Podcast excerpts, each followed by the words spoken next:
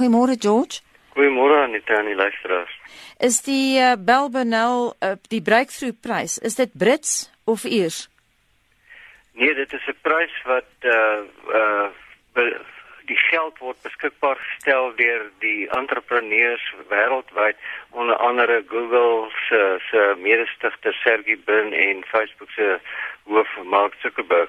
Hulle uh stel die uh, geld beskikbaar en dit word toegeken aan uh, in drie velde fundamentele fisika, die lewenswetenskappe en wiskunde. en elke prys is, is 3 miljoen dollar werd. Vertel ons 'n bietjie meer oor uh, Justin Bell Burnell.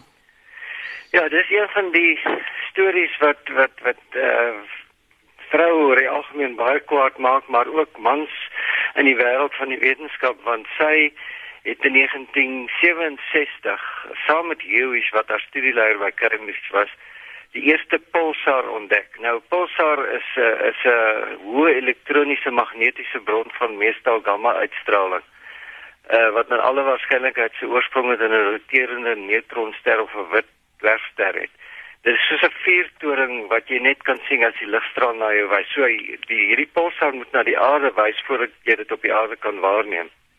En hulle het dit waargeneem en nogal grappenderwys genoem LGM1 vir Little Green Men. Dit speel verwysing na intelligente wesens mm. in die buitenste ruimte. Maar sy het nie die prys gedeel nie wat sy moes gedeel het met Jewish ten minste Martin Raar was die ander uh, mede-ontvanger van die Nobelprys saam met uh, Jewish en daar was hoë ontsteltenis daaroor maar soos Justin Bell daarna gesê het ek het 'n lesing van haar bygewoon op Stellenbosch so 5 jaar gelede toe sy oor die Maya uh al hierdie Maya kalender einde van die aarde voorspellings wat sy wetenskaplik ontleed het. Uh en sy toe sy die die prys nie wen nie het sy gesê sy gee nie eintlik feesfees kom nie want sy het baie meer roem gekry deur nie die prys te gekry het nie uh want dit het daar eintlik op soort van op die kaart van die wetenskap geplaas. Maar wat het Oslo toe gesê? Hoekom is sy nie so vereer nie? As Anthony Hewish dit kon kry, hoekom nie sy nie? Wel, Oslo ver, ver, verduidelik nooit waarom hulle nie 'n prys aan iemand toeken nie. Ehm uh, uh hierdie breakthrough prys wat sy nou gewen het, is 'n soort van 'n uh, uh beloning wat eintlik 'n klap in die gesig van die Nobelpryskomitee. Die Nobelpryskomitee het al baie verkeerde beslissings gemaak. Jy weet, uh, dat 19 vroue in die geskiedenis van die Nobelprys sedert 1903 het die Nobelprys gewen. Marie Curie was die eerste een en sy is hmm. enigste wetenskaplike wat dit vir twee verskillende wetenskaplike velde, chemie en fisika gewen het. Maar uh vanjaar het ons dan twee vroue gekry, Donna Strickland en Frances Arnold wat in fisika en chemie dit gewen het. Maar jy weet as bekendes soos uh Rosalind Franklin, Henrietta Leavitt en Cecilia Payne wat dit nie gekry het. Rosalind Franklin kon dit nie kry nie want sy is oorlede.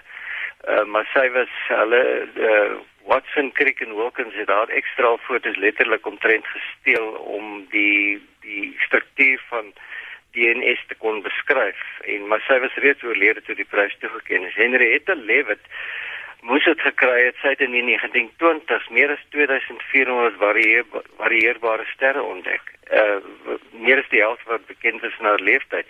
En dan die interessante storie Cecilia Payne wat die eerste wetenskaplike was om die samestelling van die sonreg te voorspel. Hy het gedink die son is 'n eysterbal wat brand sy het gesê sy is eers wat vasstel het nee dit is hoofsaaklik uh, waterstof en helium. Mm. So, uh, George net vinnig 'n rukkie gelede het ek 'n onderhoud met jou gevoer oor dat die prentjie darm stadig maar seker besig is om te verander in terme dat vroue wel vereer word vroue in die wetenskap. Ja, dit is besig om te gebeur maar daar is nog geweldige uh weet in die en ek dink dis op alle vlakke so die die geveg wat vroue moet hê om uh, gelyk te gereken te word wat salarisse betref en geleenthede. Ehm uh, daar is groot vroue wat wel die die Nobelprys wen en natuurlik elkeen van hulle wat dit wen soos vanjaar Donna Strickland en Frances Arnold word rolmodelle vir jong kinders wat eh uh, uh, uh, meisies wat sê maar dan die wetenskap as 'n loopbaan begin oorweeg. Uh en François Barré Sonusi wat die prys verdeel het uh, in 2008 uh, as mede-ontdekker van die verband tussen HIV virus en vigs. Hmm. Uh, so daardie mense is almal rolmodelle en hopelik kan baie meer vroue tot die wetenskap as 'n loopbaan wend.